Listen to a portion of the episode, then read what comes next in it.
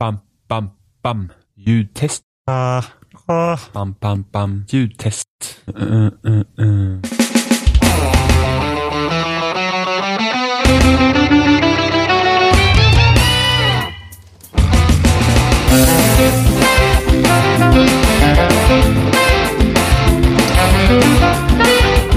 Du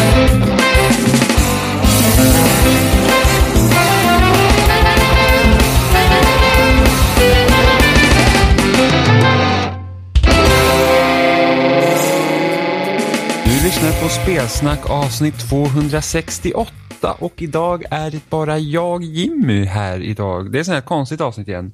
Eller ja, som hände mellan vart, det var länge sedan det hände sist. Jag vill bara nämna, eftersom det är ingen annan som har nämnt det här under tiden jag inte har varit medverkande, är att du kan fortfarande inte köpa GameCube-spel på Switch och det suger. Vi borde kunna köpa alla GameCube-spel på Switch för att jag tänker inte koppla in min Wii i min tv-bänk för att jag är lat. Helt enkelt. Så vad hade jag tänkt att prata om idag egentligen? Jag vet inte riktigt. Jag har ingenting så här jättestort planerat förutom att kanske typ gå igenom alla spel jag har spelat under tiden jag inte har varit med. För att jag spelar lite andra spel än vad de andra två gör och jag eh, kanske kan säga saker som de andra inte tänker på när de pratar om spel helt enkelt. Ehm, inte spela lika mycket som jag brukar göra för att eh, well, när man inte behöver prata om spel varje vecka så behöver man inte heller spela ett nytt spel till varje vecka, vilket har varit ganska skönt. Eh, för min tanke var ju att när inte jag varit med under podcasten var att jag behövde ha en paus eh, från att göra lite andra saker och oj oj oj vilken paus jag fick med tanke på att jag inte alls hunnit göra det jag tänkte göra för att då helt plötsligt så fick man massa andra saker att göra som man måste göra helt enkelt vilket har varit lite jobbigt. Man kan säga så.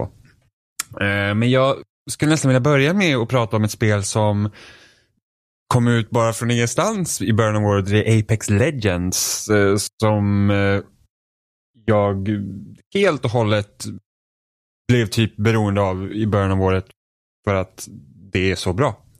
Eh, för mycket av den här grejen, alltså jag rent generellt sett tycker ju om eh, idén med Battle Royale har ju alltid varit väldigt spännande här med att man eh, 100 spelare ner på en bana och eh, en bara vinner och med tanke på liksom hur det egentligen går emot den filosofin som egentligen har präglat mycket av multiplayer-spel sådär att åh nej men vi kan ju inte ha så att du bara har ett liv och sen dör du. Hur ska du komma tillbaka och spela?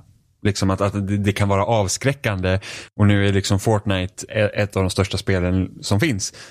Eh, men även om jag gillar idén med det så har det ändå inte varit, det har inte funnits riktigt något spel som har fastnat på det sättet som liksom spela Fortnite, det var nytt eh, poäng för att eh, det var under den tiden jag, när Battlegrounds var som störst, eller Battlegrounds är fortfarande stort men alla pratar om Fortnite nu för tiden men eh, då var det så att när Battlegrounds var störst och jag ville liksom inte riktigt kanske spela på PC, jag tror inte jag köpt min nya PC då än så liksom du vet, har man en lite äldre PC, eller ja, så gammal, okej, okej fem år, men du vet, den hänger lite på en skör tråd. Min PC kände också att åh, idag vill jag inte starta så att vi måste gå igenom Windows Recovery Tool och alla som har använt Windows Recovery Tool vet hur dåligt det är för att vad lagar det? Absolut ingenting. Jag har aldrig löst ett dataproblem med att köra typ Windows Recovery eller någonting sånt.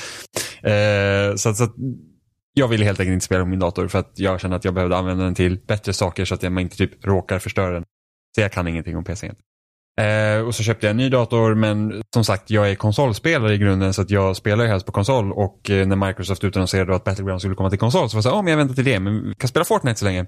Eh, och Fortnite var ju kul och vi körde i några veckor och sådär och sen så kommer andra spel och sen när man hoppar in i Fortnite igen och så visar det sig att åh, alla har lärt sig bygga jättebra. Det kan inte jag göra så att nej, svårt att komma in igen när man liksom inte är van helt enkelt. Och sen kom Battlegrounds till konsol eh, spelade, jag recenserade. det. Att skjuta i det spelet känns inte jättebra. Jag vet inte hur det är på PC, jag har inte testat PC-versionen. På Xbox i alla fall så är det verkligen, det känns, det känns inte bra. Ofta känns det som att det är så här, oh, slumpmässigt. Eh, alltså att okej, varför fick inte jag vinna den här striden eller hur beter det sig nu? Och sen så kommer också den här nervositeten att man, eh, vet, man möter någon och man liksom, shit hur ska jag tänka och så här, ja. Positionering blir väldigt viktig i Battlegrounds och hur man arbetar med det.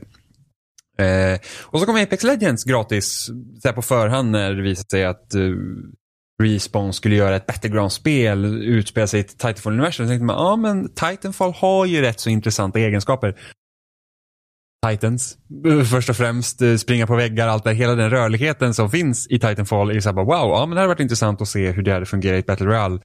Och sen så på förhand var det så här, ja det kommer inte ha något av de delarna. Och då känner jag mig så här, jaha. liksom det, intresset dök ganska fort. Eh, det var så att, okej okay, men alltså jag har spelat Battle Royale-spel, jag behöver inte ha ett till Battle Royale-spel som är som ett till Battle Royale-spel. Men så kommer Apex Legends ut gratis, så tänker man så ja men sure, jag kan ju testa. Liksom, det, det, det skadar ingen, om man säger så. Eh, testa Apex Legends och liksom bara så här, wow.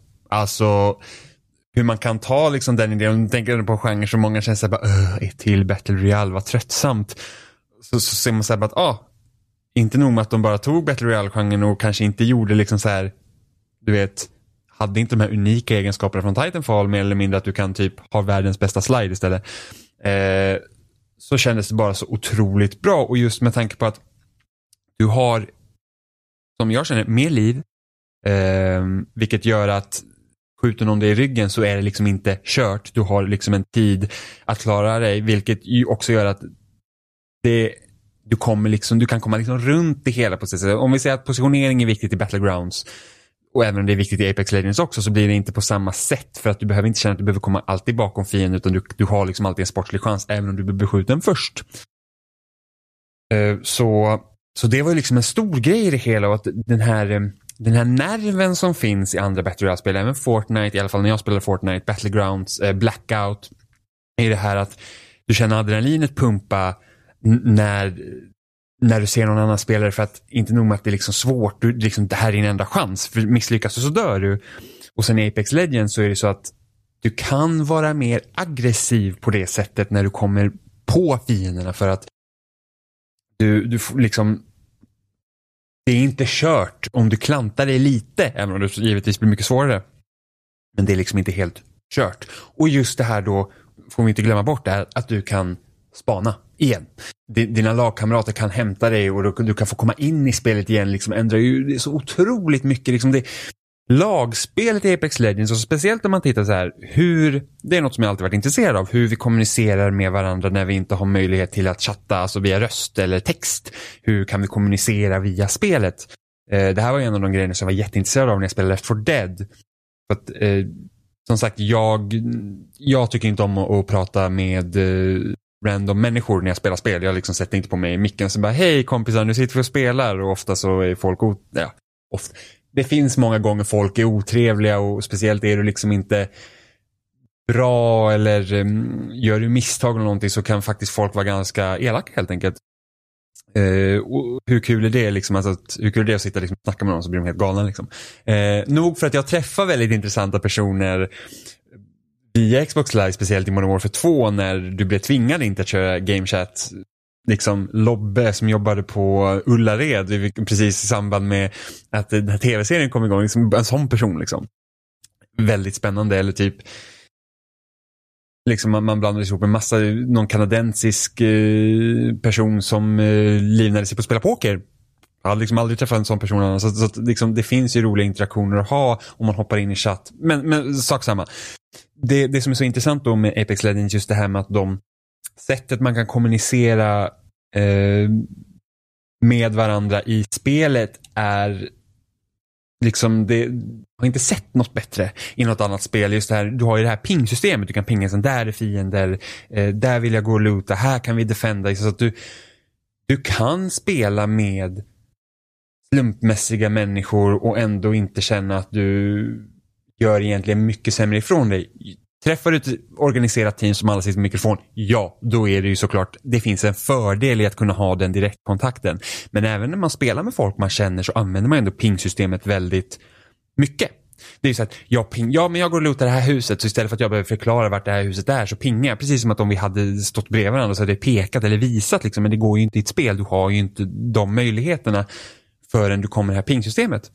Eh, och det har ju också gjort att när man spelar andra multiplayer-spel känner jag ju så här att nu spelar mycket Halo på senare tid. Liksom så fan, fienderna är där borta, men vad är där borta?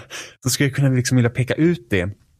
Och då tänker man typ eh, ta Battlefield som har haft det här spottsystemet. Du kan liksom spotta ut eh, fiender det här känns ju nästan som en utveckling av det. Nu vet jag att Battlefield 5 tog bort spotsystemet och har typ också något form av ish ping-system.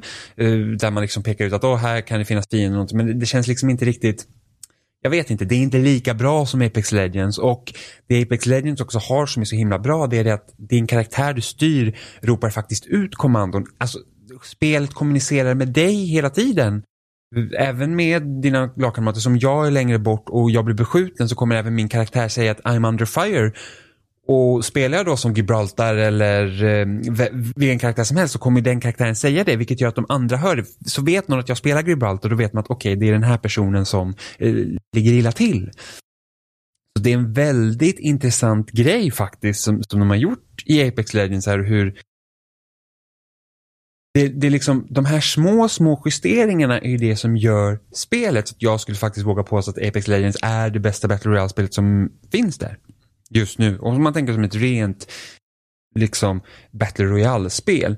Sen så har ju Fortnite till exempel andra grejer som Fortnite är väldigt bra. Som, som jag älskar med Fortnite. Och någon som inte aktivt spelar Fortnite nu så att liksom vet att jag inte har liksom full koll på hela Fortnite-sfären. Men det är att de har en bana men de är inte rädda för att ändra i banan. Så jag tycker ju att Fortnite är faktiskt det spelet som faktiskt bäst har visat hur man gör ett, ett live service-spel.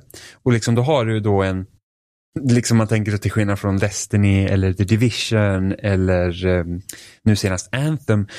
Så det känns ju inte som den världen riktigt lever med dig. Du kan ju se andra spelare i det men ja, alltså det är inte riktigt det här med att det händer inte egentligen så mycket i världen som så medan i Fortnite är det verkligen, de, alltså Epic har verkligen omfamnat hela den här grejen med att liksom att det händer i Fortnite, det händer i den här världen. Vi är inte rädda att ändra på världen mellan olika säsonger.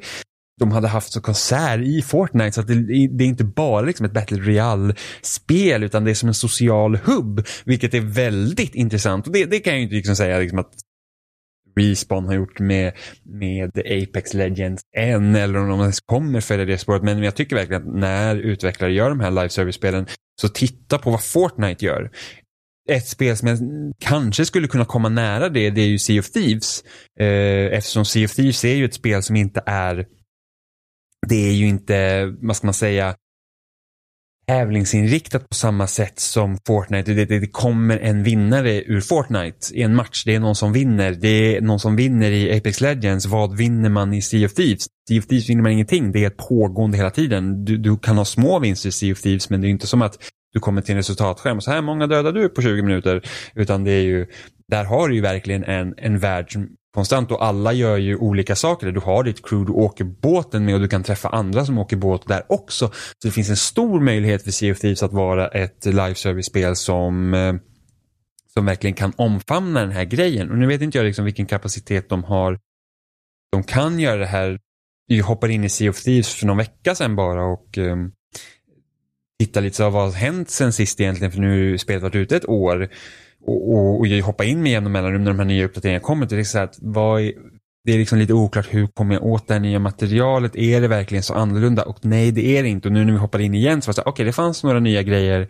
Men det var ju inte som att wow, det här är ett helt nytt spel helt plötsligt. Jag har inte varit inne på flera månader och så här wow, vad mycket grejer finns att göra. Utan det är fortfarande samma struktur väldigt förvånad fortfarande över hur lite kosmetiska grejer finns i Sea of Thieves. Jag är väldigt förvånad över att de inte har gjort någonting åt uppdragsdesignen överhuvudtaget.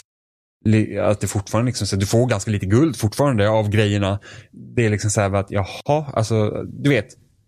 Det är, jag gillar Sea of Thieves, jag tycker om det spelet jättemycket men det är fortfarande så att det är inte något man hoppar upp och så kanske man spelar 20 minuter sen går man ut. Alltså det är liksom flera timmars engagemang i det spelet för att känna att man har fått ut någonting av det och inte slösat sin tid. Men nu ska det komma nya uppdateringar med fiske och någon storyläge och sånt så det ska bli jätteintressant att se hur de har, eh, har löst det. För att min plan var ju faktiskt att bli Pirate Legend någon gång men alltså jag vet, jag vet faktiskt inte, det, det tar för lång tid. Jag känner att jag liksom inte har tid för det. Eh, men Apex Legends är alltså, det, det är ett, alltså jag tycker verkligen att det är ett fenomenalt spel och det är helt otroligt att det är gratis. Det tycker jag liksom, alltså tänk dig själv, beroende på hur gammal du är när du lyssnar, men liksom jag är slutet av 20, alltså på den, jag är över 25 om man säger så. Eh, när, alltså tänk när jag var typ 12-13 år och man liksom spelade kanske ett spel i halvåret och liksom var så här, wow, nötte liksom det spelet hela tiden. Eller ja, på den tiden hade jag också, gjorde flera andra saker för att jag är sån att jag kan inte spela samma spel hur länge som helst och sen går jag vidare. Liksom. Jag, jag, måste, jag måste ha olika saker som stimulerar mig hela tiden. Det, det är ett fel, men du förstår. Jag, jag måste liksom säga, det räcker inte, jag kan inte spela ett spel resten av mitt liv. Det är liksom som att typ men som vet Robin till exempel har spelat jättemycket Rainbow Six Siege och ett tag så var liksom det, det enda spelet han spelar och jag är så att nej, det, det, jag måste få olika upplevelser. Eh, det är också det jag tycker om med spel. Liksom, se, se det är därför jag spelar så mycket. För att jag ska kunna få se olika perspektiv. För kunna, liksom, genom att jag spelar mycket så kan jag också bli bättre på att prata om spel och sådana grejer. För det är det jag tycker är kul.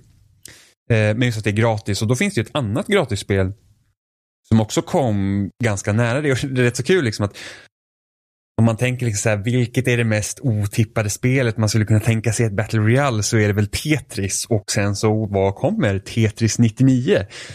Liksom ett, också ett helt fenomenalt spel som egentligen spinner vidare på den här Battle Royale. Så att oh, ni är 99 Tetris-spelare, ni ska slå ut varandra. Eh, liksom, vilken idé egentligen? Alltså, när jag såg det, om det var någon Nintendo Direkt eller vad det nu kom upp, jag var så här, ja det låter intressant, också gratis. Liksom. Ladda ner det, spelare, har inte spelat det jättemycket som många andra gjort, men liksom det, det Tetris 99 lyckas fånga upp den här stressen man kan få liksom, i ett Battle Royale-spel, liksom, när, när du blir attackerad som, som det är i, i Tetris 99, för att man blir ju verkligen Alltså när, när, när folk attackerar dig, när de, de siktar sig in på dig får man se sådana här streck som går. På, man, man ser så här, du har ju ditt Tetris-plan i mitten på skärmen och sen så kan du se hela brädet av andra spelare på sidan som är liksom små fönster så man kan se också deras, hur de spelar i realtid. Och när de attackerar dig så dras det streck från dem till liksom dig. Eh, och ibland kan man få väldigt många sådana och det är väldigt stressfyllt för man känner, man känner sig utelämnad. Och varje gång de då skickar sådana här skräpblock på dig som fyller då skärmen så vibrerar konsolen. Och varje gång den vibrerar så jag, jag, jag, blir bara så otroligt irriterad på att någon ens har mage att attackera mig. Det är liksom på den nivån så att man, liksom, man tar det nästan personligt. Eh, så att, eh, ja, Tetris 99 är liksom, alltså, där kan man verkligen se, om man, folk säger liksom, åh jag är så himla trött på, um, jag är så trött på Battle Royale-spel, bla bla så blir det ju väldigt så här att med Tetris 99 kan man också se vilken, vilken, vilken bredd man liksom kan ha på, på läget, liksom vilka olika former man skulle kunna leka med det här. För det är samma sak, liksom man säger att vi är så trött på Battle Royale, men kanske är det för att spel ofta liksom kretsar kring hela sitt Battle Royale-läge. Medan till exempel hur många gånger sitter åh jag är så trött på Team Death. Oh, ja, ett till spel med Team Death. Det säger vi ju inte. För att det är liksom, det är ett läge i ett multiplayer-spel. Och, och, så tänker jag liksom att det är säkert Battle Royale kan också bli det. Nu kanske det krävs mer av ett Battle Royale-läge än vad det kanske gör Team Deathmatch på det sättet. Du, du, kan ha ganska små kartor och som springer runt och det är bara att skjuta varandra. Medan Battle Royale liksom har så här, det ska finnas armor, olika ammotyper, olika vapen. Du ska kunna plocka upp eh, eh jättestor bana. Så att jag är ingen spelutvecklare men jag kan ju tänka mig att det liksom det är ju liksom kanske en annan tankegång. Så att ett sånt läge kan vara svårt att bara slänga in i förbifarten. Även om det var Epic som gjorde lite så. Men Fortnite kändes som de, de liksom eh, la ut det. Det var väldigt bare bones. Och det är också en grej som talar till Apex Legends fördel. Är det att det var väldigt klart när det kom. Det var så här, det här känns, alltså det mest slipade Battle Royale-spelet som har släppts. Från start. Liksom, Okej, okay, Call of Duty's Battle Royale kändes också rätt så bra med eh, Apex Legends liksom, wow! Ja, ni vet. Eh, men Tetris 99 är det här, alltså att där kan man verkligen se hur kreativ man kan vara. Eh, vilket jag tycker är väldigt spännande. Och sen så tar man liksom då Tetris som koncept. Liksom. Att det är, liksom, Tetris sig självt är ju, är ju nästan så det perfekta spelet. Visst, det har en, modifikationer har kommit med åren så det ser inte exakt likadant ut som det gjorde när det släpptes. Men grundstommen är ju densamma.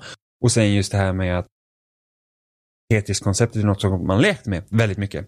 Eh, och jag vet att många kanske kritiserar Tetris 99 att det inte fanns andra spellägen i och sådär men samtidigt finns så himla många versioner av Tetris. Tetris 99 är Battle Royale Tetris så det, det liksom kan vara så. Eh, så det tycker jag väldigt eh, spännande spel. Eh, också vara helt liksom inne i det. Eh, sen har jag ju spelat liksom andra spel såklart. Eh, spelade Anthem när det kom och recenserade det också.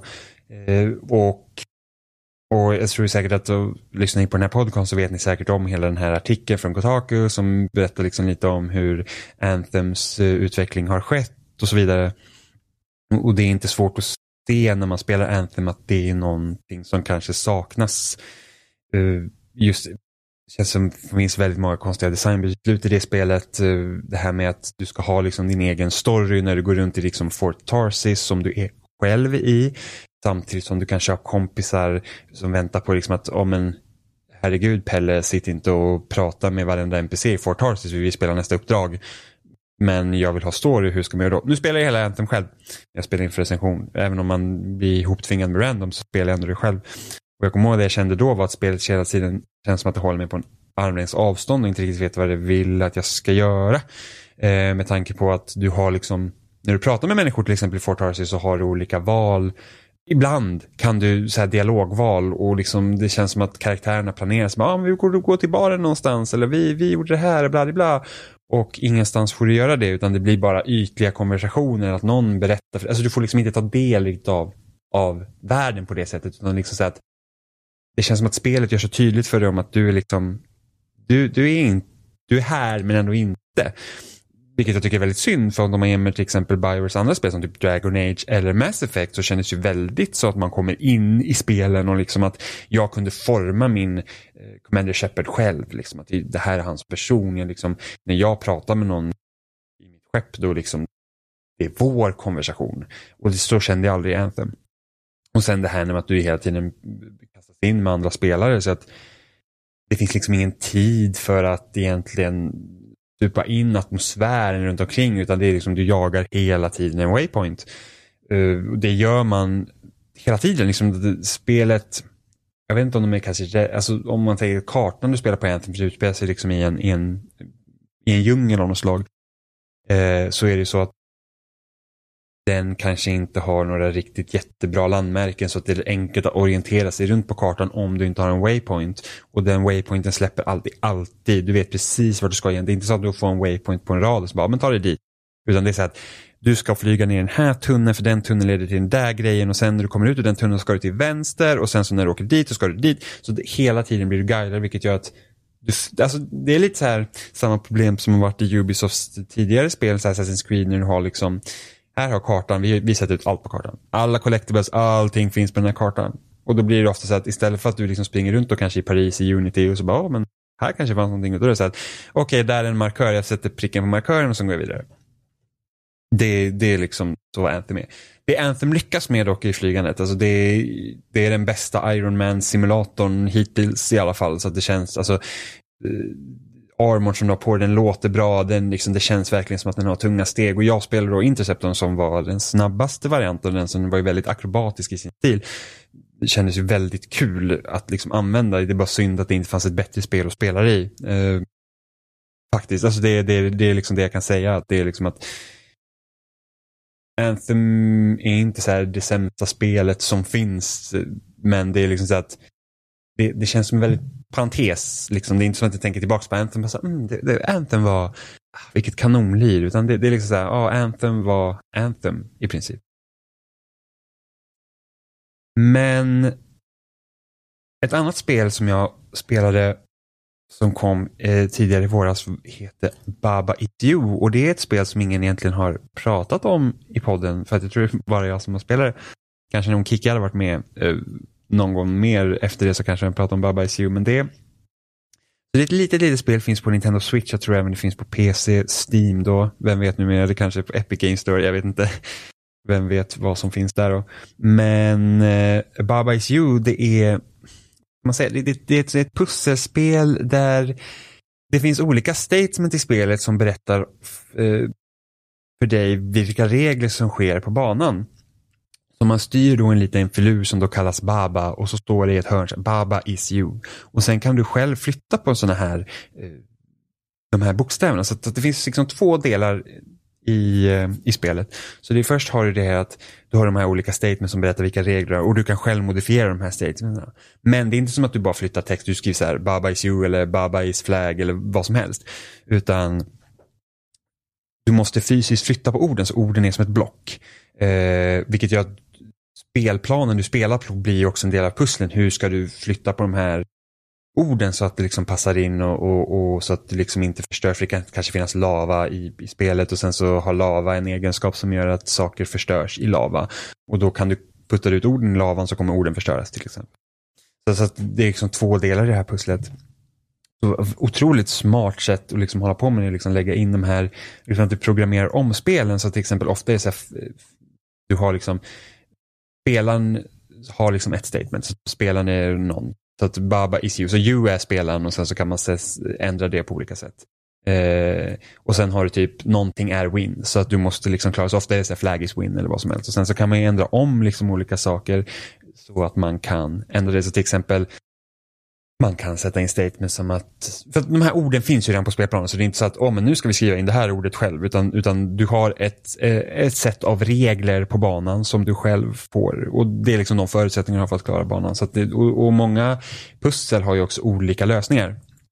Eh, vilket är liksom att jag har ju sett vissa på YouTube har löst vissa pussel som, som oh, gick det att göra sådär. Så, så det, det är ett väldigt, väldigt bra spel. Speciellt om man gillar pusselspel då tycker jag absolut att man ska titta in Baba Is You för att det är, alltså vissa banor sitter två timmar vid och bara så jag måste klara det här nu. Det, det, det är liksom lite samma känsla man fick eh, när man spelade The Witness.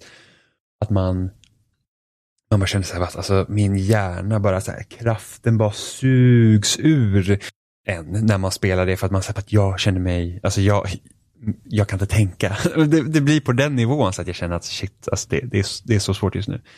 Eh, och sen när man kommer på det så bara, oh yes. Och så kommer man vidare och så kommer man till nästa pussel och sen så bara, ah, nej, jag fastnar här också. Men det är ett otroligt bra spel.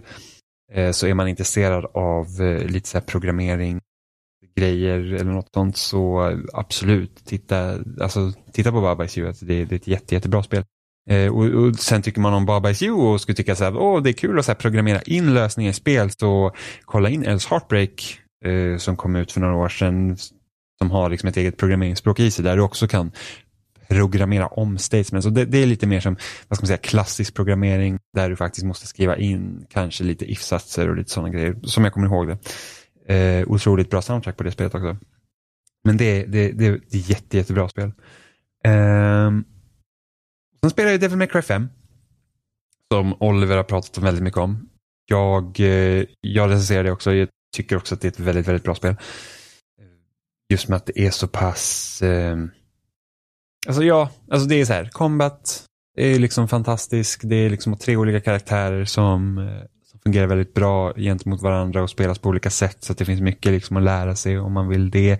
Men något som jag tyckte absolut var roligaste och jag önskar nästan att spelet hade liksom tagit det i beaktning mer och mer. I det att Nero har ju den här Devil May Cry-byrån. Jag tror att Dante också har det, men jag vet inte riktigt hur relationen ser ut. Som sagt, jag har inte spelat de tidigare Devil May Cry-spelen förutom det som Ninja Theory gjorde. Jag vet liksom inte riktigt hur relationen är, men du har liksom den här vanen där står Devil May Cry med, så att man egentligen så här, du har en mobil demonjägarbyrå liksom och, hela tiden får jag liksom tankarna till Scooby-Doo. Det har varit så himla kul att bara typ se de här liksom hela ensemblen av karaktärer. Så här, nästan så här Monster of the Week-struktur på Devil May Cry 5. Att varje uppdrag så har liksom ett, som en, som en tv-serie. Liksom en, varje uppdrag är ett nytt avsnitt. Sen så finns det liksom en början, mitt, slut. Det har varit jättekul för det blir så här. Devil May Cry är lite som Scooby-Doo. jag, alltså, jag försökte baka in det på något sätt i min recension. Så att ett Scooby-Doo, eller Devil, eh, ett Scooby-Doo för vuxna liksom. Alltså vuxna inom citattecken. Liksom. Det, är, det är ju går ju att liksom argumentera för men, men det här med att det hade varit så himla roligt att Liksom att man hade den här demonjägarbyrån liksom, och får liksom olika uppdrag att göra det för att nu egentligen är det ett uppdrag och sen så eh, vävs det ju in med all annan mytologi som finns i spelen. Eh, så att för mig som då inte har spelat ettan, tvåan, trean och väldigt lite av fyran var det så att ja, det betyder inte lika mycket för mig som, som för någon annan. Nästan som att typ spela sista episoden av Walking Dead utan att spela de andra kanske, typ, ish. Eh, eller spela Mass Effect 3 utan spela Mass Effect 2. Liksom, visst, det är fortfarande ett bra spel men, men lite går ju förlorat faktiskt i dem. Eh, men sen också så här, liksom helt absurda grejer som typ men, som Dante har en motorcykel som vapen och man var så här, det där kan bara komma från Japan. det, man var så här, alltså, det där, det, vem, vem, take, vem kom på det? Alltså, så, så jag tycker så här, att när, om någon ska säga att ja, det finns en motorcykel som var på det här, bara så här, va, jaha, alltså det, det är så här, alltså ja, det, det, liksom, det låter inte så intressant för mig, jag ska bara säga, det låter helt galet. Men sen när man spelar det så bara, alltså, det, det är så sjukt. Alltså, jag har också spelat en del Yakuza Zero senaste tiden. Och det spelet går ju liksom från att vara så här riktigt typ sunkigt, liksom, ja det går inte att förklara det på annat sätt än så sunkigt sexistiskt. Samtidigt som det är så jäkla, det är, så, liksom, det är helt absurt. Alltså det, det händer så sjukt, det, det är som japansk såpopera. Det är så här, det känns som att utvecklarna vet hur absurt det är på samma sätt men hela världen liksom, som finns i Yakuza tar det på så stort allvar. Så på något sätt det bara fungerar. Så att det typ Man kan typ teledata i, i Yakuza. Så att man, man går in till teledating-sida och sen så får man liksom svara i telefon och så ska man försöka dejta någon på andra änden. Och, och så bara Alltså så, så, så är det så här en quicktime-event när du ska svara i telefonen. Så att du, det ringer och så ska du typ trycka på X och så är, finns det en timer. Så här snabbt måste du trycka på X. Och sen när man liksom lyckas man liksom så svara telefonen så bara, alltså det är världens dramatiska scen när Kiryu tar upp den här telefonen och liksom du vet, om man har man sett eh, anime eller läst manga så vet man liksom hur, hur det ser ut. Det, det är liksom så här typ, Alltså det, han tar den här telefonen och det är världens längsta sladd så den bara flyger liksom. Han så bara, Åh! och så bara lyser och det kommer de här fartsträckorna. Och vet, så bara, precis som att Alltså det är världens grej att man svarar i telefonen och sen så i nästa scen efter det så, så, så svarar karaktären mest allvarliga ton så bara mush, mush. Precis som att det här som jag gjorde precis, det har inte hänt. liksom, att jag svarade i telefonen precis normalt. Alltså, det, det är liksom sådana grejer som gör Yakuza helt fantastiskt. Och sen är ju storyn väldigt spännande. Alltså det är typ, alltså verkligen intriger och det är liksom det är eh, Bar, alltså, liksom, man sitter typ och gapar. Det, det är liksom som man, man bara, vad, vad är det jag ens tittar på här? Det, det är liksom, va? Du, du vet, det är liksom den formen, inte dåligt men liksom bara, Och sen såklart, så typ när man själv sen har sådana här små kabaréer och man får typ så här hyra ut tjejer för att prata med folk som har pengar. Det är så här, Oh, alltså det, det, är ett jätteroligt minispel att, att, att, att arrangera det och liksom hålla på och liksom, där, vem ska prata med vem och liksom hela det systemet är jätteroligt men liksom i hela liksom kontexten är det lite så här, alltså ja, ni förstår. Men fortfarande jättekul. Eh, så att det, det, jag glömde ju när jag spelade Resident Evil 2 också, spelade tidigare år. Och det är liksom, älskar verkligen hur Capcom har gjort om den här um, Resident Evil 2 liksom i nytappning. Att det känns som en blandning mellan gamla Resident Evil och Resident Evil 4. Och allt i polisstationen är jättebra. Jag tycker helt hur den designen liksom satt ihop och sånt. Och sen så när man, ju mer man kommer bort från polisstationen ju sämre tycker jag att spelet blir. Jag tycker de andra de andra områdena är inte alls lika intressanta. Det, liksom, det känns som att det dragar på lite. Eh, och jag tror att det var så här att jag kommer ihåg när jag spelade Resident Evil 2, jag kände så här att fan, jag önskar att det vore lite liksom läskigare för att jag, jag känner mig inte så rädd. Och sen jag har blivit ganska så här, eh, man blir lite avtrubbad när man konsumerar så mycket skräck. Ja, det är inte som att jag liksom sitter och tittar på skräckfilm varje dag, men, men jag, liksom, jag började kolla på skräckfilm när jag var sju för att jag har en fem år äldre syster som du vet när hon var 12-13 år, då, eller ja, då började hon liksom titta på skräck. Eh, och när man är liten vill man vara som sin stora syskon och jag och min stora syster var ganska ändå ganska tajt relation med yngre så att då, då vill man göra som henne och så har man haft föräldrar som kanske inte riktigt brytt sig om vad barnen håller på med så att vi kollar på skräckfilm så att jag typ så såg Scream och Halloween 2 och sådana grejer när jag var sju. Eh, kanske inte det vettigaste men ja, jag tror jag klarar mig ganska bra.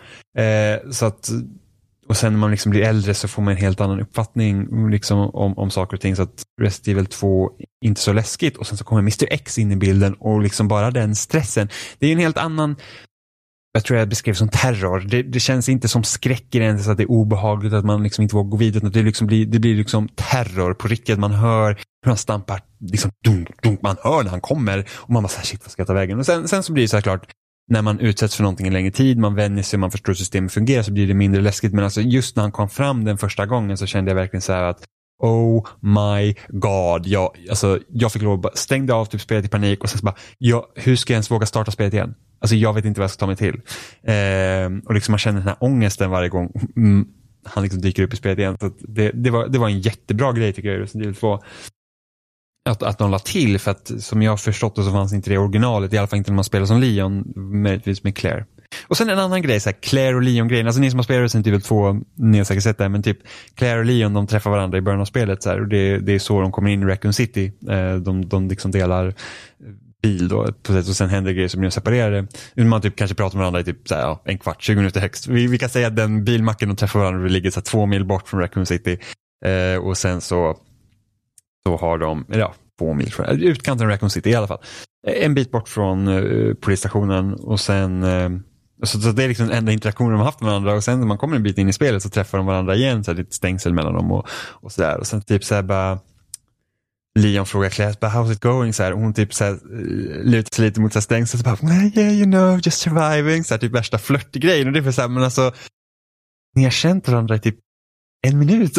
Vad händer här? Vad är det för liksom flörtgrej? Liksom, ni har zombies runt omkring er. There's no time for flirting.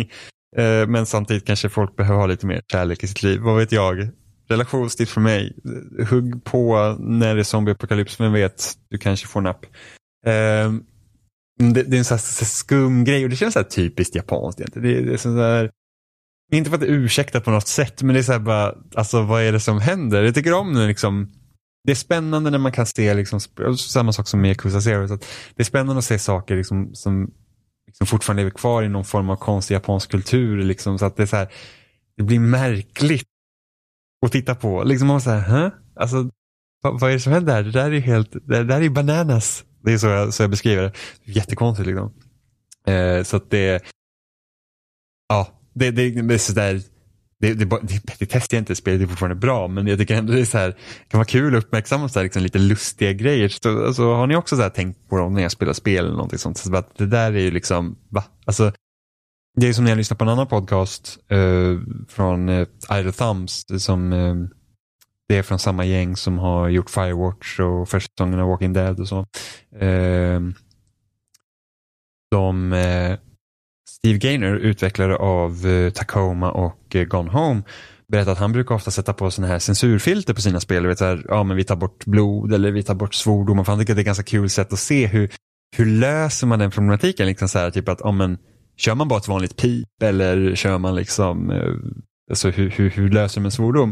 Och det var så kul, det var något Call of Duty han skrivit och jag tror att i, i, i, liksom i, i spelet som det är tänkt då så, så ropar eh, karaktären ut ah, you sons of bitches eller någonting sånt. Och sen i, eh, censurerade versionen då, eller liksom ta bort svordomarna, så ah, you sons of guns. Och man bara, så vad betyder det? Alltså det, sons of guns, det är ju ingenting. Så här, typ, det blir nästan som att, så här, ah, jäkla bord typ om jag skulle svära någonting sånt istället för att typ säga helvete eller ah, om man nu tycker att helvete är ett sånt ful svordom, men ni förstår vad jag menar. Liksom. Så, ah, jävla, eller järnspikars. Vi kan ta järnspikars. Så, liksom, ah, järnspikars. Liksom, hade det hänt liksom, i ett här seriöst liksom, film eller kontext, att ingen pratar ju så egentligen. Liksom, så här, ah, järnspikars. Kanske vi borde göra det. Kanske vi borde ta anamma så här, gamla ord igen.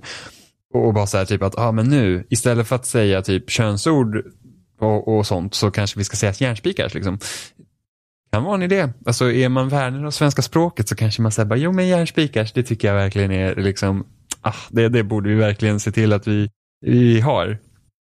Eh, så visst, kör hårt eller något. Eh, vad har jag mer spelat? Jo, men jag kan inte glömma, jag har ju självklart spelat From Softwares nya spel Sekiro Shadows Die Twice. Och eh, jag är inte, jag spelar väldigt lite av Dark Souls 1 väldigt lite, tio timmar kanske, kom inte särskilt långt för att frameraten är verkligen horribel på 360. Eh, och det är väldigt svårt och jag hade inte så här typ lust att bli bättre. Eh, jag spelar Bloodborne, klarar ut hela Bloodborne, gillar Bloodborne.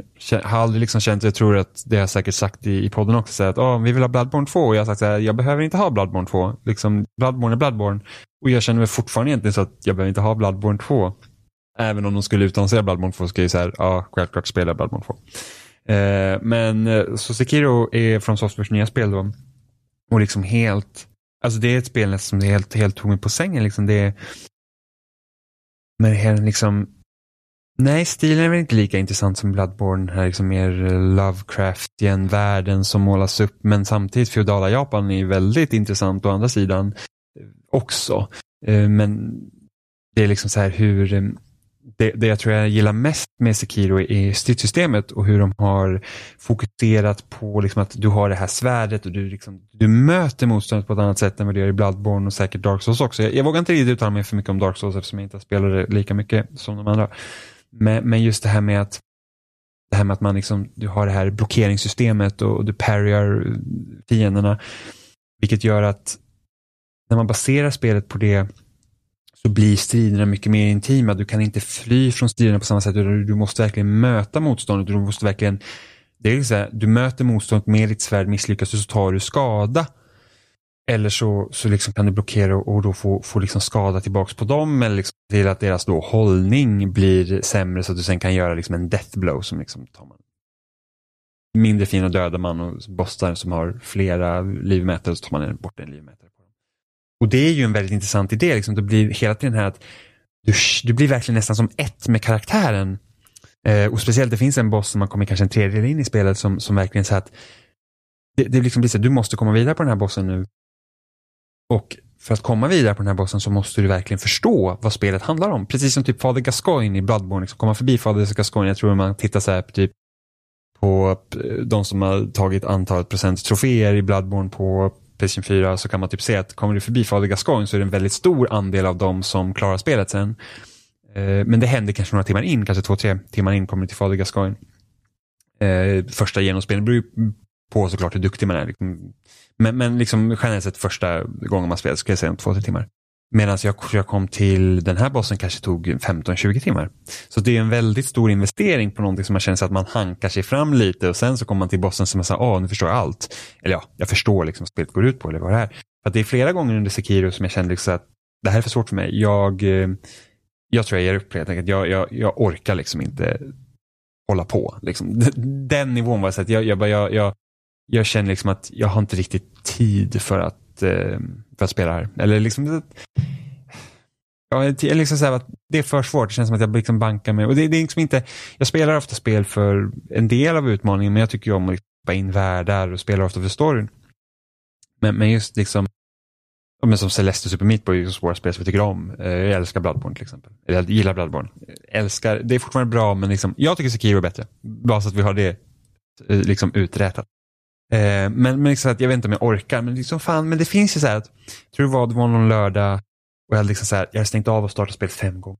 Något sånt. För att så fort jag stängde av spelet så kunde jag inte sluta tänka på det. Och bara så att fan, jag måste ta den här. Och sen så när man kom förbi den här bossen, och sen så efter det gick spelet liksom så att jag förstår, det var fortfarande svårt, jag dog väldigt mycket på många bossar och var så här, liksom att, men, men just det kändes ändå så jag förstod vad spelet kräver av mig för att jag ska kunna komma vidare.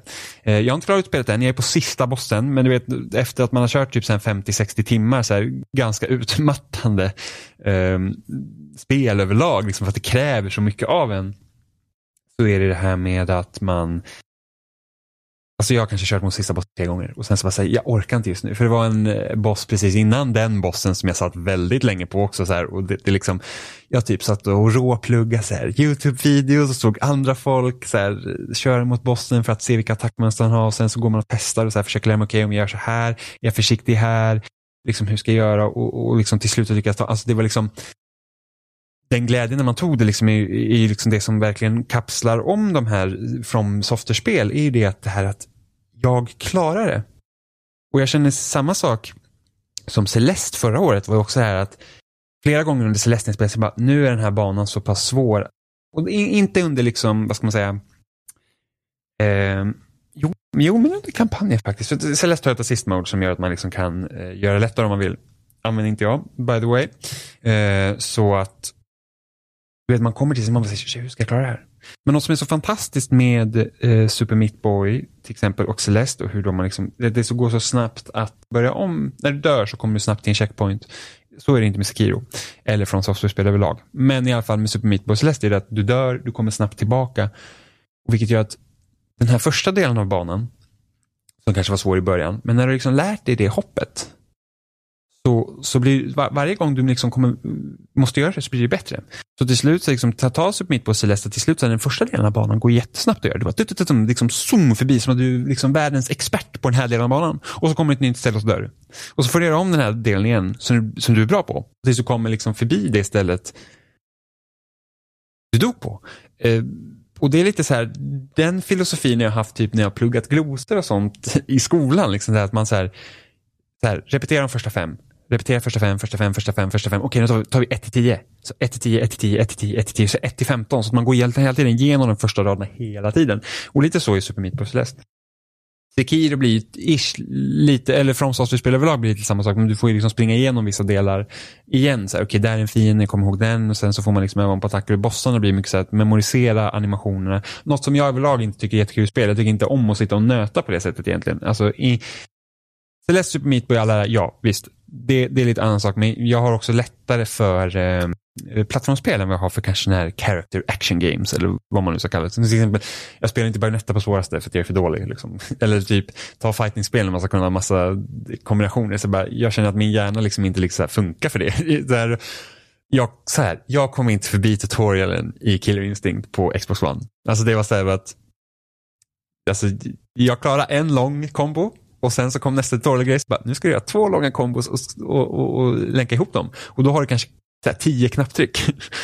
så här, tio olika kombinationer av knapptryck. Och jag så nej, min hjärna bara låtsas. Jag, jag bara säger, jag, det går liksom inte. Jag, av någon anledning. Um, så, men det, det, är bara så jag fungerar. Men i, i Sekiro så, så blir det liksom så här att det är jag tycker ändå att det är svårt på ett bra sätt. Visst finns det så här, kameran kan störa emellanåt. Jag tycker att den här lilla symbolen som visar vilken attack det finns en symbol i spelet som gör så att okay, den här symbolen kan, den här attacken kommer inte kunna blocka. Och det finns tror jag, tre olika attacker, så antingen kan han göra en sweep, så att man liksom eh, som en halv eh, ring, liksom, så här, swoop, ett sweep-attack som man måste hoppa. Eller så har du en, en, en stöt, som man liksom har till exempel fiender som har lans, de gör en stöt rakt framåt. Och den måste du liksom, då ska du trycka på B eh, för att ta emot, om du spelar på Xbox, jag vet inte vilken knapp det är på PS4 eller kanske cirkel. Eh, så man måste ta emot den så kan han mickrig counter så att då, då liksom typ sätter man foten på hans eh, eh, spjut och sen så gör man en massa skada på hans posture. Eller så kan de eh, försöka ta tag i dig och då måste du dodga den. Eh, och den symbolen är likadan och eh, det är inte som att alla fiender har exakt samma animation för vilken attack de gör. Så att det är så att, oh, men jag vet att det här är en sweep på den här fienden så kommer man göra exakt samma animation på för andra. Eh, så är det inte. Mm, så, att, så att ibland så blir det fel. Visst, det kan ju också vara en del av spelet då, liksom att du tolkar fel, du förstår ditt kast. Men eh, oh, jag hade mycket mer föredragit att nu kommer den här symbolen upp. Alltså, min hjärna hade förmodligen ändå bara så här, pff, äh, bajs typ. Sket i alla fall för att så bara, oh, här kommer en röd symbol, jag hade väntat mig en blå och så är jag fel i alla fall. Eh, men det går ju liksom att komma runt, det är bara att man får liksom ha det i åtanke. Eh, det, Men sen är det en annan diskussion som har kommit upp det här med Sekiro att, oh, innan vi går in på det så måste jag bara nämna att det, det jag tycker om med Sekiro som till skillnad från eh, Bloodborne till exempel, det är den här skillnaden på den skräck som finns i, i Bloodborne eller, eller även Dark Souls tror jag. Det, det är utplaceringen av lyktorna i Bloodborne eller eh, brasorna i Dark Souls. är det här att hur världen är uppbyggd i de spelen var ju mycket det här att du kommer till ett okänt ställe. Det är läskigt för det är massa fiender du kanske inte riktigt känner till. Eh, som du vet vad de gör. Och då blir det här att och du, du samlar på dig mer så här souls och grejer. Eller, eller blood som det var i Bloodborne tror jag så det blir det här att var är nästa lykta? Liksom den spänningen var så här shit, eller liksom när man öppnar en genväg eller kommer till en ny lykta, man liksom bara kan pusta ut så att åh, jag förlorar liksom inte allting. Och det här systemet har de gjort om i Sekiro, för det är ju det att du samlar ju XP nu, men så fort du får liksom en skillpoint då, för att du har liksom en bar, så, så sen när den har fyllt så får du en skillpoint och då kan du aldrig få under den skillpointen till exempel. Eh, vilket gör att det är liksom inte lika, du förlorar inte lika mycket på att dö så här som i de andra spelen. Du, visst, du förlorar hälften av dina pengar, men det är inte svårt att få de pengar i, i Sekiro. Det tar bara tid. Men eh, så, så att du, du liksom behöver inte vara nervös på samma sätt. Det blir inte att åh, nu hittar jag en genväg. För att världen är inte uppbyggd på det sättet. Eller för att det, det, de små liksom, statyerna som man kommer till i Sekiro, de fungerar mer som checkpoint. Det är som en traditionell checkpoint. Eh, nästan, även om du, liksom, du vilar vid dem och du, du kan fastköla mellan dem. Men, men det, de fungerar mycket, mångt och mycket som checkpoints. Så då, då har ju inte Sekiro den här spänningen som finns i Bloodborne eller Dark Souls på samma sätt. Men jag tror också att det behöver inte nödvändigtvis vara en, vara en negativ sak utan för att eh, jag tycker att det, det, liksom, det gör så att du kan fokusera på sidorna på ett annat sätt i Sekiro. Liksom, du kan ta fighten om man säger så. Du, du behöver liksom inte känna sig att vara helt orolig liksom att allt kör på för och du förlorar så mycket av att dö. Men liksom, det gör att du verkligen kan gå in their face. Och sen finns ju stealth också i Sekiro vilket förändrar också allting. Så du kan liksom smyga runt och liksom positionera dig på det sättet.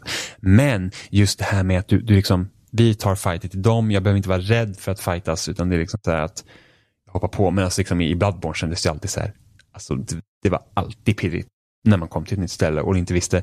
Alltså en, en grej i Bloodborne var när jag eh, kom till ett nytt ställe, jag kommer inte ihåg vad det heter längre, och jag såg liksom en fiende lite längre bort. Så här. Jag var så här, oh, där är ni fina. Alltså, han, han gick och släpade på liksom ett svärd. Så här. Det raspade liksom i marken. Man sa, oh my god, vad är det, vad är det, vad är det? Du vet. Och så, han var liksom på behörigt avstånd. Så att man liksom så här, bara, ah, men alltså okej. Okay. Står man där borta så tittar man, studerar fienden, ser vad han gör, ser vad han tittar, ser vart han går. Och så här, och så här bara, mm, jag har mycket blad, blad på mig. Så här, oh shit, oh, oh, gud. Men, men liksom ett, man har ändå den här viljan att man vill röra sig framåt. Så tänkte jag, om jag slänger en så pellet på honom, så får jag se hur han reagerar. För att liksom så här, jag är på behörigt avstånd. Så att jag, jag vill bara titta, hur, vad gör den här fienden om jag liksom aggrar honom istället för att jag liksom på och sen så aggrar han och sen så dödar mig på ett slag. Och man säger jaha, det, det var det liksom. Eh, så jag slängde en pellet. Puff, där. Och flyger pelleten mot fienden. Och så träffar den.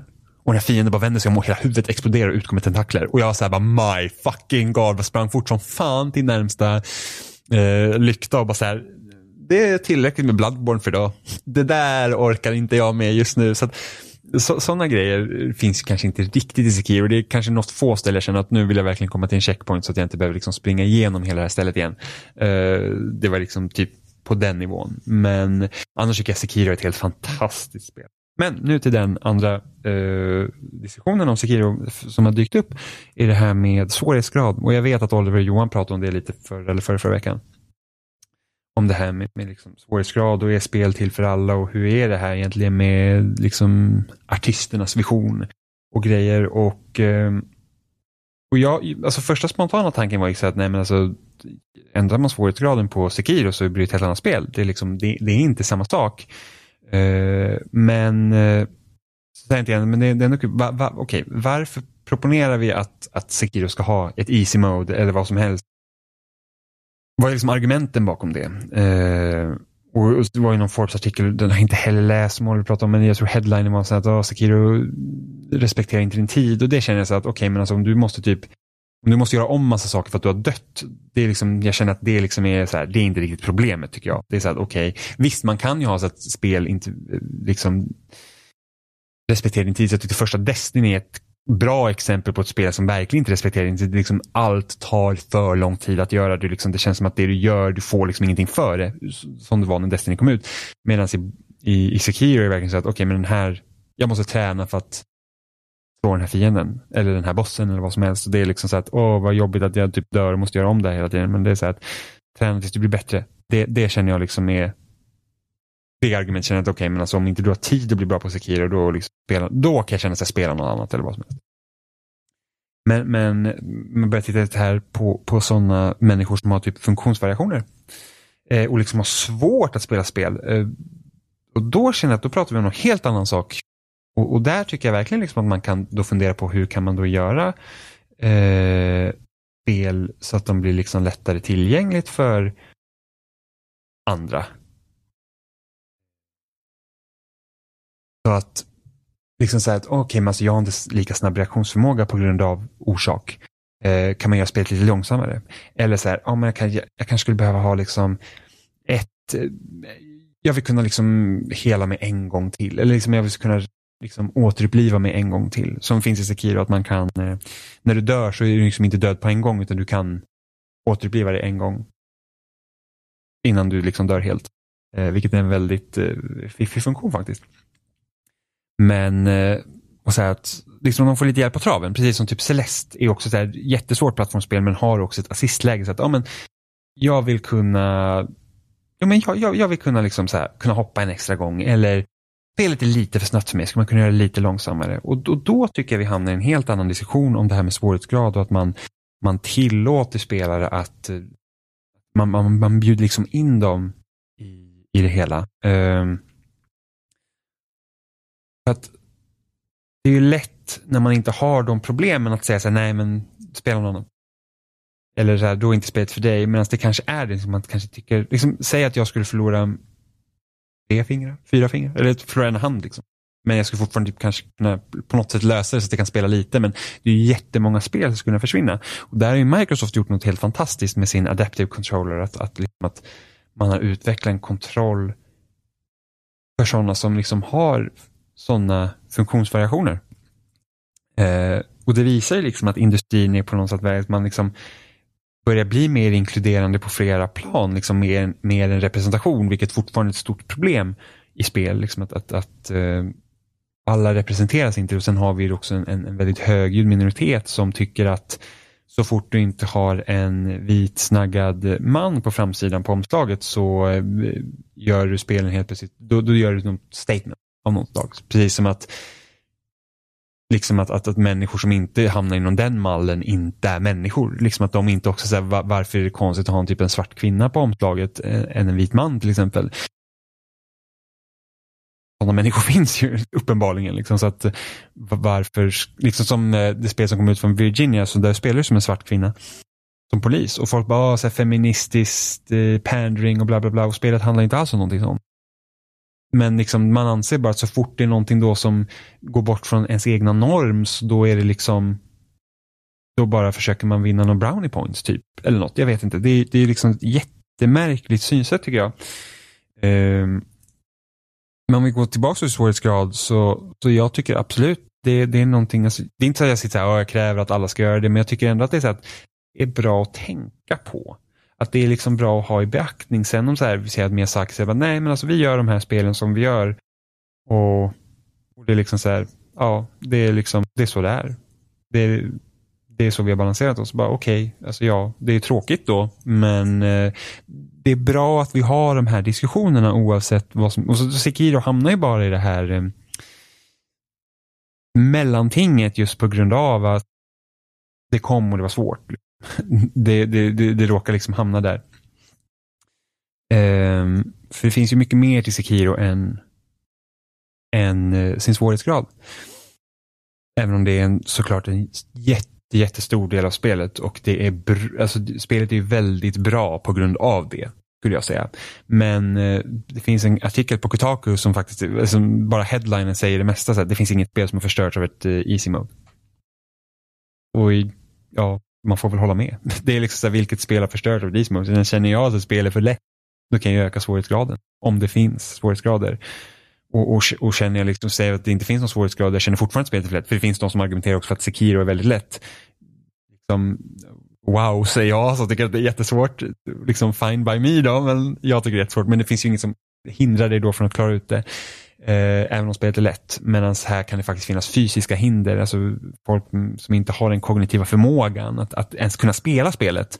Och det är väl kanske där man kan känna, liksom att öppna upp mediet. Jag tror att kan man öppna upp mediet för mer, alltså bara titta på det här med att vi börjar prata om representation i spel och sånt. Det öppnar upp mediet för helt andra upplevelser. Man tittar att när vi får spel som inte bara utgår från samma mall så är det så himla mycket spännande. Vi kan få helt andra perspektiv, helt andra upplevelser. Ta tar ett spel som Gone Home det, det, är liksom så här, det är en, det är liksom, kom ett spel i en tid där liksom mest var shooters. Nu är inte det ett AAA-producerat spel, men liksom det, är, det är en, så här, en frisk fläkt. Liksom, att vi, vi, vi, vi kan försöka och vi kan experimentera med, med olika spel. Jag tycker absolut att det är värt att ha diskussionen om att hur, hur, hur gör man spel mer lättillgängligt och inte lättillgängligt så att det kanske liksom förstör för vad, om vi då tar Sekiro som ett, ett exempel, på vad det är. för att Säga att Sekiro hade fått ett easy mode. Liksom. Då hade ju fortfarande Sekiro som det är idag, är ju det normala. Det är ju det som spelet är. Eh, säg att det hade bara fått vissa så verktyg så att man kan liksom kanske tweaka några grejer så att man liksom så här, jag kan reagera lättare. Fine. Det, det är liksom, jag ser egentligen inte det dåliga i det, att, att det finns där. Eh, för att ärligt talat, det ändrar ingenting för mig. Vill jag spela Sekiro som det är tänkt att spela så spelar jag bara på normal. Jag trycker inte på easy. Eh, men, men det är en intressant diskussion och det är intressant att se andras perspektiv och sådär. Men, men jag känner liksom men det, det, finns tre delar som vi kanske pratar, liksom man diskuterar på loading till exempel. Det är liksom easy mode Eh, för att det är liksom svårt för vem som helst. Alltså det är liksom vem som helst. Easy mode. Ja, jag kan inte spela spel för att ett, jag vill inte bli bra eller jag orkar inte bli bra. Liksom. Okej, okay, fine, easy mode. Eh, vi har tillgänglighetsalternativ med accessibility options för sådana som faktiskt inte kan, fysiskt inte kan spela på grund av att det liksom blir svårt för att man av, av, av någon anledning inte kan. Och, och där tycker jag verkligen att man ska liksom fundera på att man liksom ska ta in där. Och sen har vi den här att oh, men alla spelar inte för alla. Liksom att, eh, och ty, vill inte du se den här komedin på eh, på bio så går inte att se den. Men det är så att då handlar det om smak mer eller mindre. Det är så att jag tycker inte om Tower Defense-spel, därför spelar jag inte Tower Defense-spel. Inte för att det är för svårt för mig att kunna ens kunna, liksom, det är inte som att jag startar Tower Defense-spel så bara jag är fysiskt inkapabel till att klara det här. Eh, det är liksom en hel skillnad. Sen så kan det finnas ett värde att någon säger, okej okay, men vi ska få Jim att gilla Tower Defense-spel, hur gör vi det? Hur kommer vi åt de som inte vanligtvis spelar Tower Defense-spel? Alltså det, det är också ett designproblem som kan vara intressant att ta itu med, men det är liksom inte riktigt vad det handlar om där. Eh, och sen det som skiljer spel från andra medier med det är att spel faktiskt kan vara så att du fysiskt inte kan spela spelen, medan en film eller musik, det är så att så länge du inte är blind och döv så kanske du inte får ut något av film till exempel, men du kan se en film. Du, du liksom, det kräver inte av mer att du tittar på filmen. Du kan fortfarande se den eller en bok. Du kan fortfarande läsa boken. Även om språket är svårt att förstå. Säg att du har väldigt avancerat språk på svenska eller att du läser en bok på svenska och det, den är liksom svårläst på grund av att du kanske inte har ordförrådet eller förstår hela innebörden. Du kan fortfarande läsa den även om du inte förstår den. Det är, det är som att jag kan fortfarande spela ett spel och inte förstå innebörden av spelet. Eller jag kan se en film och inte förstå innebörden för jag tolkar på något annat sätt. eller något sånt, För det är inte kanske så som utvecklaren liksom tänkt att det ska vara. Och då blir det en väldigt skillnad. Men, men jag tycker verkligen att man, det, det, det är ändå bra att man har en diskussion för att liksom att vi, jag tror ändå att den här, ehm, alltså människor med funktionsvariationer då, det är säkert en grupp människor som kanske inte liksom, det är ingenting, alltså när, spel, när folk utvecklar spel, så de liksom, det kanske inte, vi kanske inte ska utveckla spel för någon som inte har en tumme till exempel. För man kanske inte tänker på det för att det är liksom, vanligtvis så har människor en tumme. Det är liksom, man utgår ju ofta från sig själv också. Så att man, så att genom att uppmärksamma sådana här grejer gör ju att också att utvecklare börjar tänka på det och så kanske man hittar på lösningar som, och det blir bra för alla. Det skulle jag säga. Som sagt, jag tycker verkligen Kotaku-artikeln verkligen, med den rubriken nailar man verkligen. Så det finns inget spel som har förstörts av ett ismode. Nu kanske ni kommer med ett jättebra exempel att det finns, men eh, såklart, man kan säkert förstöra. Alltså, jag tycker ändå att det finns ett argument att ha här att hade Dark Souls haft ett easy mode så är det inte säkert att From Software hade varit i den position de är idag. Och det tycker jag absolut är värt att ta i beaktning. För det tror jag också, för att grejen med Dark Souls var ju att det kom en tid när spel väldigt mycket, man ska säga handhållet spel. Så att du fick väldigt mycket hjälp, inte mycket tänka, där, waypoints. Eh, jag vet att i, i Nintendo-spelen så kommer ofta det här att oh, du hade misslyckats mycket på en nivå så fick du någon så här supersvamp så du kunde liksom springa igenom spelet helt. Och så, så, det kan jag tycka är irriterande, för det blir lite så här att om jag har dött mycket på en Super Mario-nivå så är det liksom så att då vill inte jag bara så här, ja, ah, nu får du ett cheat så jag kan ta mig vidare. Jag vill verkligen klara det, för det är därför jag spelar Mario-spel. Men så kanske inte är för alla. Men då, då vill inte jag liksom bara få en svampsläng på mig som man kan dessutom råka ta. Jag tror jag råkar ta det någon gång och blir så här, ah, ah ja, jag får väl flyga igenom den här banan och spela om den då. Men, men, eh, nej, just det här med att faktum är att man kan jag vet inte vart jag skulle komma här nu. Jag, jag kollar bort mig själv. Det, det är sånt som händer när man har pratat i typ en timme tack för er som fortfarande liksom sitter och lyssnar på mina, mina utsagor här om, om, om, om, om saker och ting. Men, ehm, men jag tror fortfarande det är bra att vi har den konversationen. Oavsett om Sekiro får ett easy mode eller inte, vilket jag inte tror kommer ske. Men det är så att det, det, det gör också att folk, för att jag tror inte att någon, det är ingen som vill liksom illa någon annan egentligen, eller ja, det finns folk som vill andra illa, men liksom sen utvecklar ett spel så säger inte jag så bara, nej men gud, de som inte kan spela det här, fy fan för dem. Utan man känner så här att, åh, det är liksom så att, åh, det här har inte jag tänkt på, eller det här är liksom, jag har inte ens någon aning om att det här kunde vara ett problem. För det, det är så att man kan inte tänka på allt, så är det ju. Ehm, och, och, och, då kan man liksom titta på till exempel Mark Browns, eh, Game Makers Toolkit har ju en, en videoserie där han liksom går igenom så olika funktions, eh, hur, hur gör man spel tillgängliga för de som har funktionsvariation? Till exempel. Då liksom, det, handlar, det kan ju handla om saker som färgblindhet, eh, kanske har verk i leder eller något sånt, så du kan ha svårt att trycka snabbt på knappar och lite sådana grejer. Så det, det är verkligen det är bra att de, precis på samma sätt som man börjar prata om liksom, kvinnors representation i spel, eh, minoriteter, liksom, rasism, alla de här, homofobi, alla de grejerna Eh, som har liksom kommit upp de senaste liksom, tio åren liksom, i, i spelsamtal är liksom för att spel blir bättre om fler kan ta del av dem. Spel blir bättre om fler bjuds in i det. Vi får, vi får fler olika upplevelser. Vi, vi, ja, vi blir rikare när vi delar med oss av varandras upplevelser jag tror att det, det är liksom, jag, jag, tror bara att det finns saker att vinna här. Det är väl det vi kommer fram till. Eh, och jag vill fortfarande säga att Sekiro är ett väldigt, väldigt bra spel. Jag verkligen älskar det spelet. Eh, och jag gick verkligen från att vara så här att, oh shit, jag tror inte jag kommer klara av det här tills att jag klarar det. Och så var det samma sak för Celeste med mig. Jag sa att någon gång känns det som att jag kanske kommer hitta en, en vägg här i min förmåga att jag inte kommer vidare eller att jag tröttnar eller vad som helst. Eh, men man lyckas vinna det och den känslan är såklart fantastisk. Det, det håller jag med om. Eh, jag vet inte om jag har så mycket annat att säga. Och jag har spelat så mycket. Jag spelar Far Cry New Dawn.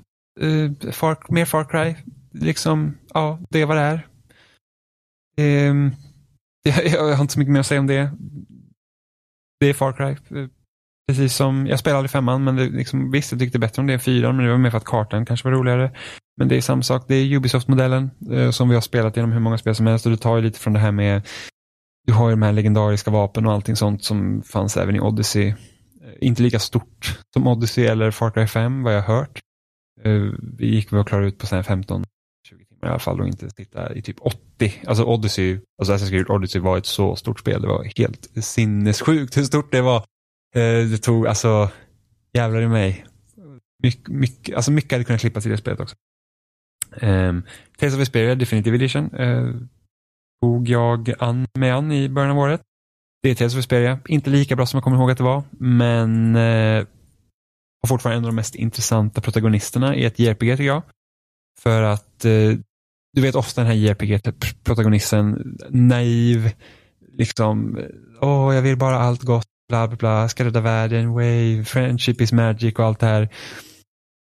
Det, Yuri i Tales of Vesperia är inte så svart och vit. Han är väldigt grå. Han, han, eh, han har något sånt han eh, tro på. Han har liksom en, en, en, övertygelse om man säger så. Att han liksom hindrar honom inte från att kanske göra inte de rätta valen exempelvis.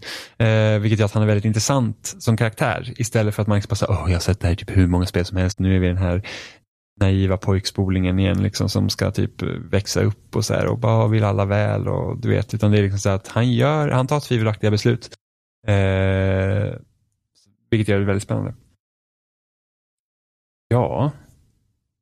Jag tror nog att jag har fått ut allt som jag vill få ut av den här podcasten nästan. Eh, ett litet spel som heter Far Long Sales eh, som släpptes förra veckan. Eh, tror det är svenskutvecklat, jag är inte helt säker som tar inspiration från Inside Limbo, ska jag säga. Man, eh, det är liksom så här att den storyn du får, får du via spelare helt enkelt. Det är ingen dialog i spelet. Man verkar vara i en värld som har blivit trasig helt enkelt och man har en så stor typ maskin som man eh, reser genom spelet. Det är 2D som man ser från sidan. Och du styr det här skeppet genom att du liksom får trycka igång så gas, eh, broms, eh, du måste du måste, vad heter det?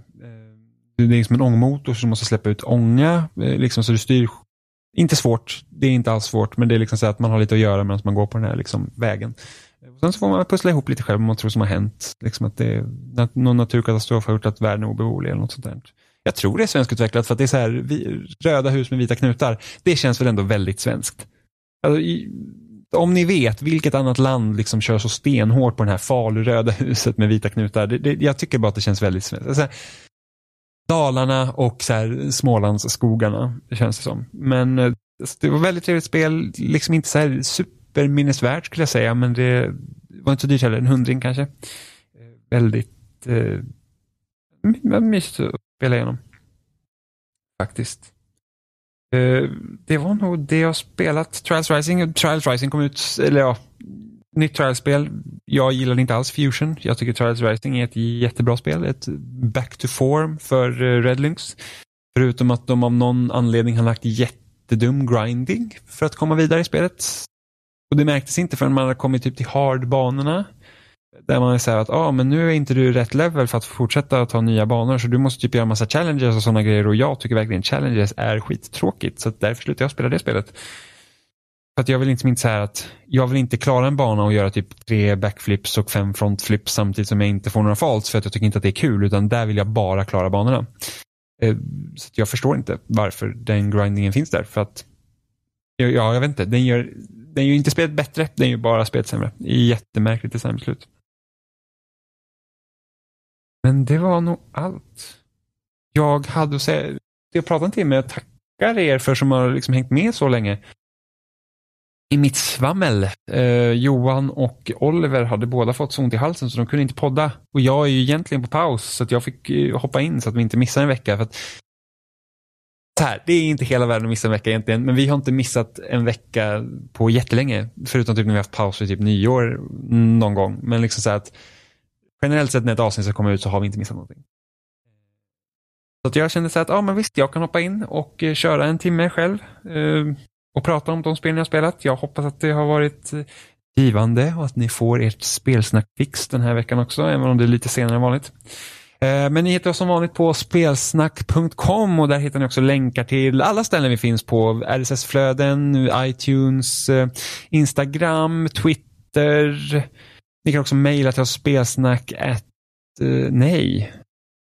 Gud, vad har vi för mejl? Kontaktet spelsnack.com, så är det. ni kan också ge oss eh, personliga meddelanden om eh, till exempel Jimmy.spelsnack.com så kan ni mejla mig och säga att jag har fel när det kommer till svårighetsgrader i Sekiro. Vilket gör det gärna, alltså jag hör gärna era, vad ni tycker om svårighetsgrader och sånt för att det, det, det, alltså det är en väldigt spännande diskussion. Uh, och jag hoppas att uh, det inte blir alltför tråkigt när jag sitter och pratar om från mitt perspektiv. Uh, det gör att jag har ingen som utmanar mig i något annorlunda här. Eh, men, men gör det gärna ni, det är kul. Eh, ni kan också gå in på loading.se för där kommer upp en tråd varje vecka också för eh, avsnittet som ni kan. Ni kan säga era åsikter och tankar och allt sånt. Faktiskt. Borderlands 3 har jag utannonserat också, det ska bli väldigt spännande. För, för ärligt talat, okej, okay, jag har egentligen avsett avsnitt nu bara så ni vet att ni, ni tror, men, men Borderlands 3, intressant med det var ju det, för att jag kommer ihåg att jag funderade på det tidigare, bara, vad finns det för plats för Borderlands 3 i en värld som har Destiny Division och Anthem och sådana liknande spel? Eh, och faktum är att Borderlands fyller en helt annan nisch än dem, för att som det ser ut nu är Borderlands 3 mer Borderlands, vilket jag tror är ganska positivt ändå. Eh, för att inte den här delad värld utan det är så här, fyra player co-op. Det finns en, en jämn progression i spelet för att om man tänker på Division Destiny hela tiden ni ska alltså, de är designade för att man ska återkomma hela tiden. Och det, är liksom, det här ska bli ditt evighetsspel i princip. Ehm, um, Medan Borderlands är så att, vet du vad, du får bättre gear under tiden spelet håller på. Det vill säga att vi har en kampanj på 50 timmar och sen när den är klar så är den klar. Sen kan du gå och kanske döda större bossar och sånt om du vill, typ som ett JRPG eller något sånt som ofta har sådana grejer. Men det är inte så här att, ja ah, men kom tillbaka och farma loot så att du liksom bara blir starkare av ingen det var ju typ ett problem med Anthem. Det var ju det att ja, sen när du är klar med spelet så kan du liksom hitta mastercrafted gear. Och man säger varför ska jag hitta mastercrafted gear? Det finns absolut ingen anledning förutom att bli starkare. Ingen anledning alls. I Destiny 2 så var det så att då, då gjorde man sig klar för raiden. Det var ju det som var kul. Okej, okay, men vi har liksom ett mål med att bli starkare. Det finns inte i Anthem. Bara, jag, jag vill inte bli starkare bara för att bli starkare. Utan jag vill bli starkare för att klara någonting. Och så är det med Borderlands. Du blir starkare för att klara av spelet. Du får bättre gear för att kunna klara av spelet. Och sen när spelet är klart så är det klart. Um, och den progressionen finns ju inte i Division eller Destiny på samma sätt. Utan du visst, du har ju fortfarande mål men du liksom, det, det kommer nästa DLC, det kommer nästa grej. Så det är liksom hela tiden, det är liksom gjort för att du bara ska liksom bli bättre och öka dina stats hela tiden. Medan det finns en ganska jämn progression i Borderlands. Så det är väl den varianten som finns där. Det som de behöver dock göra med Borderlands är att de behöver hitta bättre uppdrag. För att den uppdragsdesignen som finns Nog för att det inte har kanske hänt så mycket egentligen med om man tittar på Loop Division och Destiny för att uppdragsdesignen där är ganska alltså, tråkig ärligt talat. Även om det kan vara kul att spela. Så liksom det här med att typ, oh, men döda typ 10 sådana här, döda 25 sådana här, det, det är liksom inte kul längre utan bättre uppdrag. Nu vet inte jag hur det kommer ske men eh, förhoppningsvis roligare uppdrag. Alla borde titta på CD Projekt Red när det kommer till det och, och, och säga bara, oh, men hur kan vi göra meningsfulla uppdrag? Uh, och det jag känner det mest meningsfulla i CD Projekt Red spel, i alla fall Witcher 3, är ju det att det är storyn där som är meningsfull. Även om du kanske inte gör de bästa roliga sätten i, i, i uppdragen så är det storyn man, man gör det. Och sen de här skittråkiga sakerna som liksom finns på kartan.